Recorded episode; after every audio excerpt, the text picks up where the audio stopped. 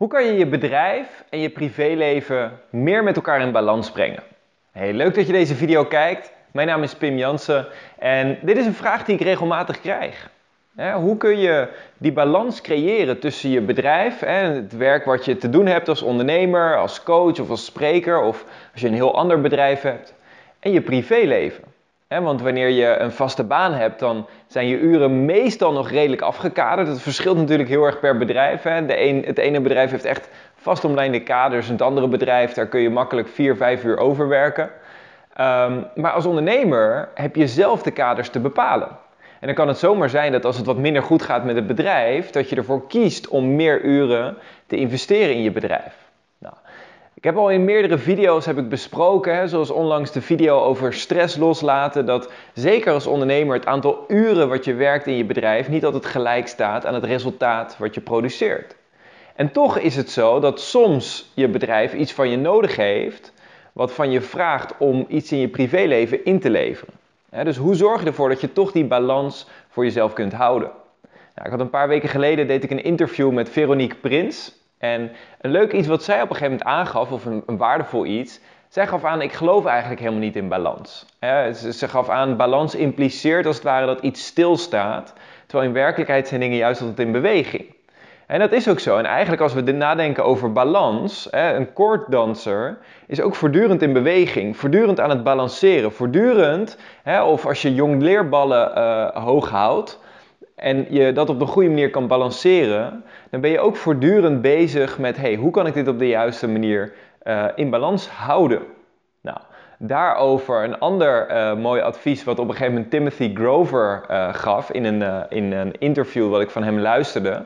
Timothy Grover was de, de coach van onder andere Kobe Bryant, hè, een van de beste basketballers ter wereld. En als ik het me goed herinner, ook van Michael Jordan, de andere beste basketballer ter wereld. Ehm, en hij gaf aan van, hey, hoe houden die mensen die het beste zijn in hun vakgebied, de beste ter wereld, hoe houden zij balans? Nou, een van de dingen is simpelweg door niet al te veel jongleerballen in de lucht te proberen te houden. dus door echt te kiezen van oké, ik heb mijn privéleven, bijvoorbeeld mijn gezin of mijn partner, en ik heb mijn bedrijf, en dan heb ik bijvoorbeeld ook nog vrienden uh, die ik zo nu dan wil zien. Alleen niet al te veel ballen te proberen te balanceren. Ja, want als je op een gegeven moment tien ballen hebt en je zegt, nou ik heb ook nog twee hobby's en ik heb ook nog vier katten waar ik voor moet zorgen en ik heb ook nog dit en ik heb ook nog dat en ik heb ook nog dat en ik wil ook nog eens in de week wil ik een keertje uh, naar het strand toe en ik wil ook nog dit en ik wil ook nog dat. Nou, op een gegeven moment zijn het te veel jongleerballen om überhaupt hoog te houden. dus één belangrijk ding om die balans te creëren is, het is gewoon makkelijker om drie of vier jongleerballen in de lucht te houden dan vijf of zes of zeven of acht. En begin maar eens met twee als je gaat jongleren. Dus die focus kunnen behouden. Nou, daarnaast is het ook zo, hè, waar ik zelf ook heel sterk in geloof, net zoals wat Veronique eigenlijk zei, van ja, ik geloof eigenlijk niet helemaal in balans. In de zin van, soms kan de, de meter als het ware naar het een of naar het ander uitschieten. Kijk, als je altijd zegt, hé, hey, ik wil maximaal 60 uur per week voor mijn bedrijf werken en uh, zoveel tijd voor mijn uh, gezin of voor mijn partner hebben, dat is een heel mooi streven om naartoe te bewegen. Alleen de realiteit is dat je wil dat ze elkaar versterken. En je wil dat je privéleven uh, je bedrijf kan versterken, maar dat je bedrijf ook je privéleven kan versterken. En als je moet kiezen, dan zou ik zeggen, dan kies je altijd voor je privéleven, hè, voor, de, voor je dierbaren. Alleen, soms is het zo dat als je nu even bepaalde stappen zet in je bedrijf, en nu even een week in plaats van 60 uur, 70 of 80 of 90 uur maakt, omdat er een bepaald project is wat echt afdient te komen, wat echt belangrijk is op dit moment, dat als dat goed gaat, dat project, dat het vervolgens een heleboel vrije tijd kan creëren. Of je vervolgens in een, in een positie brengt waar er, je bedrijf gezond door kan blijven gaan, waar dingen door kunnen blijven lopen, uh, waar je op een gegeven moment een team kunt bouwen, zodat je ook dingen kunt uitbesteden, zodat je zelf wat meer tijd voor jezelf kunt creëren. dus het is niet zo dat door altijd alles in balans te houden, dat je daardoor ook het snelste daar op de plek komt waar je wilt zijn. Soms heb je offers te maken. soms heb je te zeggen, hé, hey, ik ga eventjes een paar weken juist wat harder, juist wat meer tijd investeren. Ook al, nogmaals, zoals we in die video over stress loslaten besproken hebben, is meer tijd investeren staat niet altijd gelijk aan meer resultaat produceren. Hè? Nee, in sommige gevallen wel. in sommige gevallen heb je gewoon simpelweg een project af te krijgen en dan dient dat er gewoon te gebeuren. Soms is net even die offer die je maakt, die zorgt voor meer balans op de lange termijn. Die zorgt juist dat je in een positie komt te verkeren waar je het jezelf ook kan veroorloven om die balans te creëren. Ja, dus het is ook heel belangrijk. En andersom, hè, als er een, een, een crisis is of iets wat heel belangrijk is op dat moment in je privéleven en je geeft dat voorrang, op het moment dat, dat, hè, dat je daar de aandacht voor kan hebben en dat oplost, kan het je ook weer veel meer rust en veel meer energie geven om daarna weer in je bedrijf meer focus te kunnen brengen en meer resultaat te kunnen produceren. Nou, dus dat is het eerste wat ik wil benadrukken in deze video. Van, hè, balans gaat echt niet altijd over een perfecte balans elke week. Het gaat over de keuzes maken voor wat vergt nu echt mijn aandacht? Wat is nu belangrijk om nu op te focussen?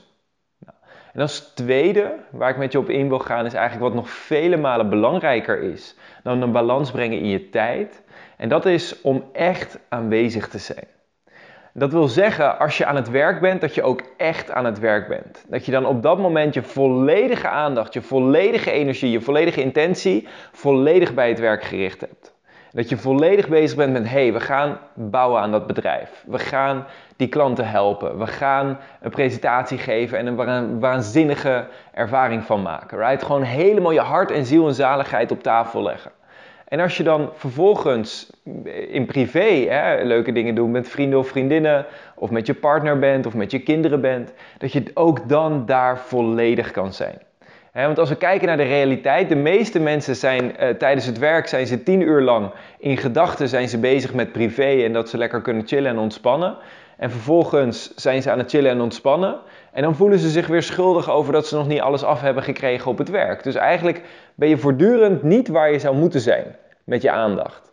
En als je dat kunt oplossen, als je met je aandacht volledig in het hier en nu kan zijn, is dat in mijn ogen en in mijn ervaring een veel krachtigere manier om te balanceren. Om, om gewoon de energie te kunnen geven aan de dingen die echt belangrijk zijn voor je in je leven. Dan om je nauwkeurig je tijd te proberen te balanceren.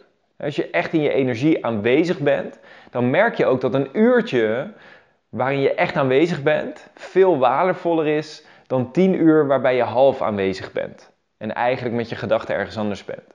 Is niet altijd even makkelijk, hè, maar wel een streven wat waardig is om achterna te jagen. Op het moment dat dit je namelijk lukt en je volledig in het hier nu aanwezig bent, dan zal je merken dat al je relaties daardoor beter worden. Dat de kwaliteit van je werk daardoor beter wordt. En wat ook nog eens heel belangrijk is, dat je ook veel meer gaat genieten van hetgene wat je doet. Dat was het voor deze video. Ik wens jou vandaag een fenomenale dag toe. Ik hoop dat je vandaag ook weer kan genieten en vandaag in het hier nu aanwezig kan zijn. Als je dit een waardevolle video vindt, klik even op het duimpje omhoog. En als je meer van dit soort video's wil zien, denk eraan om jezelf te abonneren op dit YouTube kanaal. Bij deze, tot de volgende keer en ciao ciao.